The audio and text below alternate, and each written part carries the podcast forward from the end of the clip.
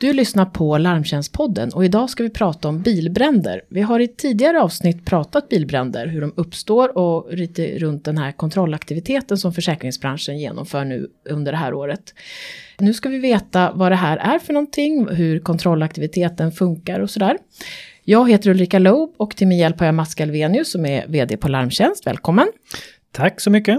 Bilbränder står för ganska stora kostnader för försäkringsbolagen, kanske 200 miljoner per år.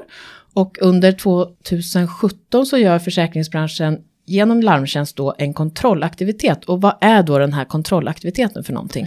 Ja, det här är något som vi fick lite inspiration från Skatteverket eh, som ju varje år går ut och säger att nu ska vi kontrollera vissa typer av skattebrott särskilt noga. Och då tänkte vi för något år sedan, varför gör inte försäkringsbranschen samma sak? Vi går ut och berättar i början av året att det här året tänker vi storsatsa på en viss aktivitet. Och då tyckte vi att bilbränder vore något som man kunde börja med, för det skapar inte bara kostnader för försäkringsbranschen utan också mycket otrygghet i samhället. Och så kanske det är lite rykten om att det är just eh, bedrägerier kring de här, eller?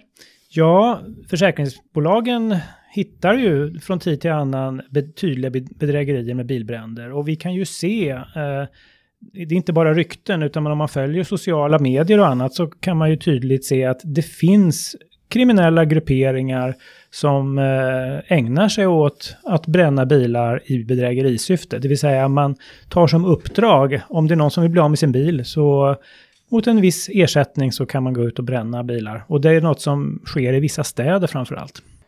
Från branschens sida, från försäkringsbranschens sida tycker vi också att det är viktigt att visa på att försäkringsbedrägerier kan vara en viktig orsak till bilbränder. Vi tycker att det kanske kommer, inte kommer fram i media, utan Ofta så pratar man om bilbränder som en stor otrygghet, särskilt i socialt utsatta områden.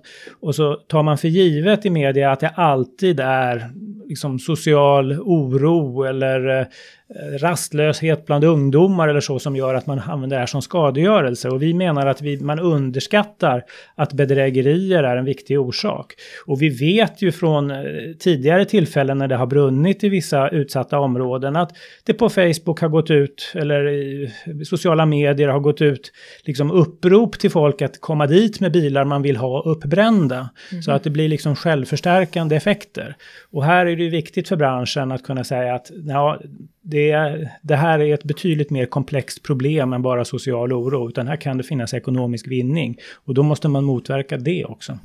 Men en bilbrand alltså, hur anlägger man en sån? Ja, jag ska inte sitta här och lära ut de bästa metoderna för att anlägga bilbränder. Men eh, det finns lite olika metoder. Men det vanligaste det är ju att man helt enkelt kanske krossar en ruta och eh, kastar in brännbar vätska eh, i bilen och, och, och sen tänder på. Eh, det är väl nog det vanligaste. Men det finns andra sätt att göra det på som kanske är mindre uppenbara. Gör man på det sättet så är det ju väldigt uppenbart att bilbranden är anlagd.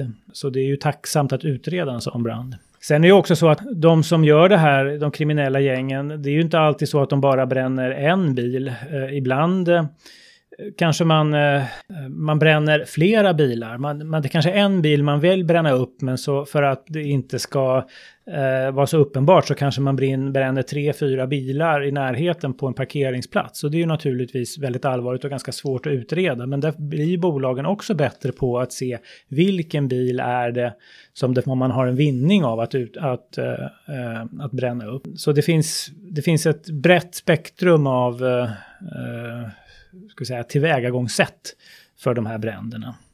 Eh, men generellt så är det ju ganska, det är ju stora kostnader med de här bränderna, för det är ju inte så att det bara är bilen som brinner. Ibland så blir det ju kanske skador på ja, kringliggande fordon, men det kan vara i ett garage, eh, så kan det bli väldigt stora skador. Så att det, det blir ju väldigt kostsamt för bolagen. Så, vad ser man nu i den här första kontrollen? Ja, om man tittar på de första nio månaderna under året så har försäkringsbolagen fått in ungefär 6 000 anmälningar om bilbränder, eh, olika typer av bilbränder. Och nu är det ju inte alla bilbränder som är anlagda, utan många har ju helt naturliga orsaker. Det kan vara elfel eller att man en kupévärmare som har börjat brinna eller så. Men ungefär 60 procent grovt räknat av alla bilbränder är anlagda, så det är den viktigaste orsaken. Och av de bilbränder som man har fått in under året så har man valt ut då de som har varit mest misstänkta. Och då har branschen hittills under nio månader gjort lite drygt 300, om vi ska vara exakta, 325 eh, utredningar av bilbränder.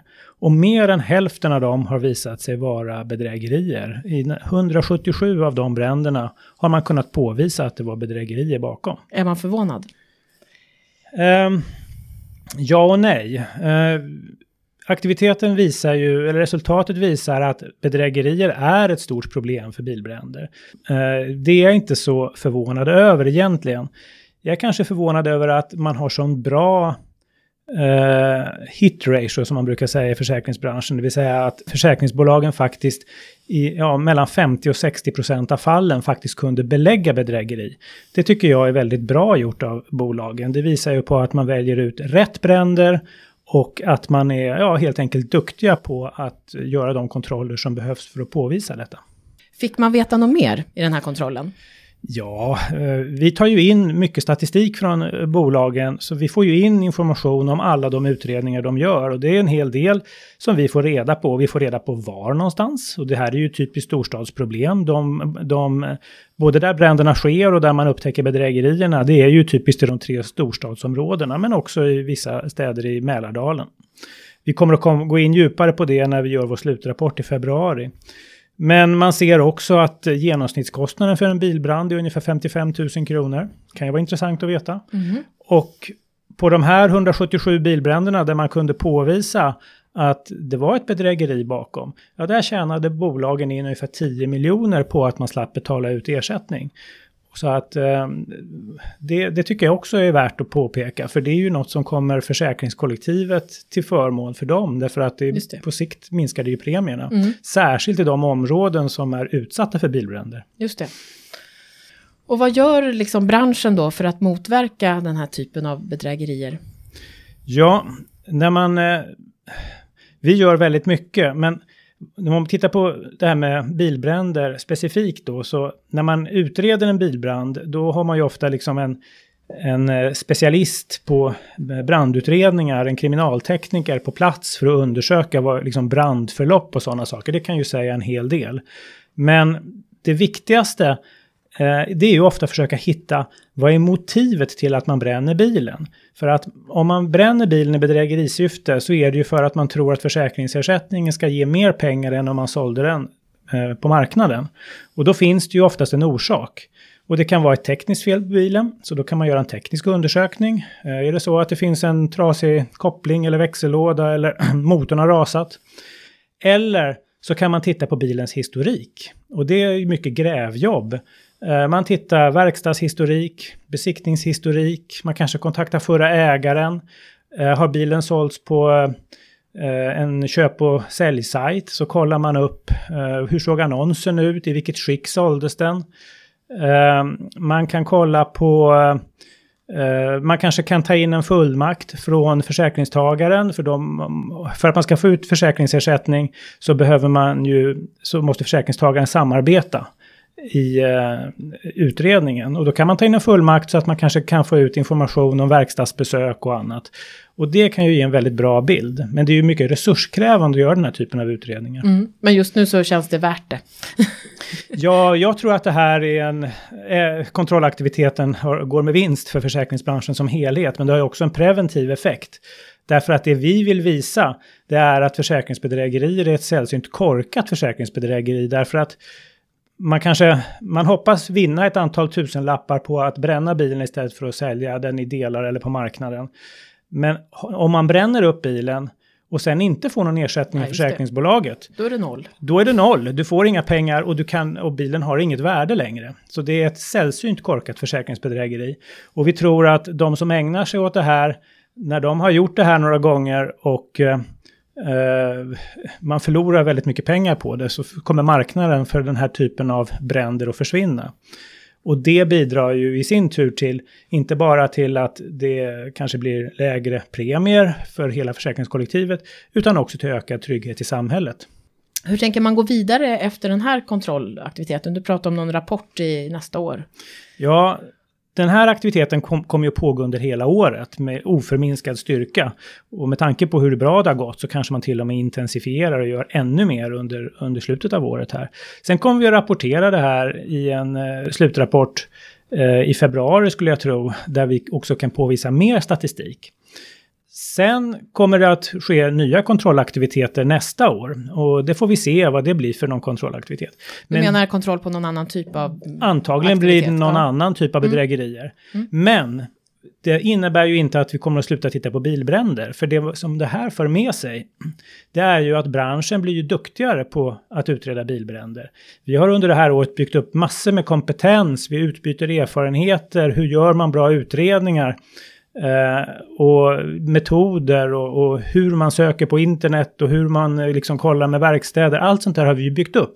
Och det gör ju att det blir ju mycket enklare för bolagen att fortsätta i sin löpande verksamhet att kontrollera brunna bilar i framtiden. Så det tror jag är den stora vinsten. Och det gör att jag tror att vi kommer att få långsiktiga effekter och det kommer att vara osäkert att vara bilbrännare i framtiden.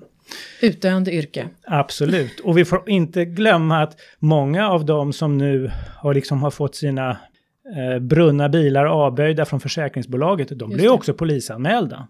Exakt. Så det är ju ytterligare en risk man tar. Är det ett uppenbart bedrägeri där vi kan påvisa uppsåt, man kan påvisa eh, vinning och så vidare, ja då är det ju ett bedrägeri man kan polisanmäla och då ligger man ju riktigt risigt till. Man får För, varken pengar eller... Nej, och då är det ju inte bara ett försäkringsbedrägeri. Det kan ju vara allmänfarlig vårdslöshet och, och, och, och, så vidare. Mordbrand eller vad det nu är. Beroende på hur den här branden har startat och om det har varit fara för människoliv eller annat. Du har lyssnat på Larmtjänstpodden. Jag heter Ulrika Loob och jobbar med webb och sociala medier på Larmtjänst och gäst i studion idag var Mats Galvenius som är VD på Larmtjänst. Vill du lyssna på fler avsnitt finns vi på iTunes, Soundcloud och på vår hemsida larmtjänst.se. Har du frågor eller funderingar kontaktar du oss via larmtjänstpodden snabela larmtjänst.se, alltså utan prickar. Och tipsa gärna vänner och bekanta om den här podden.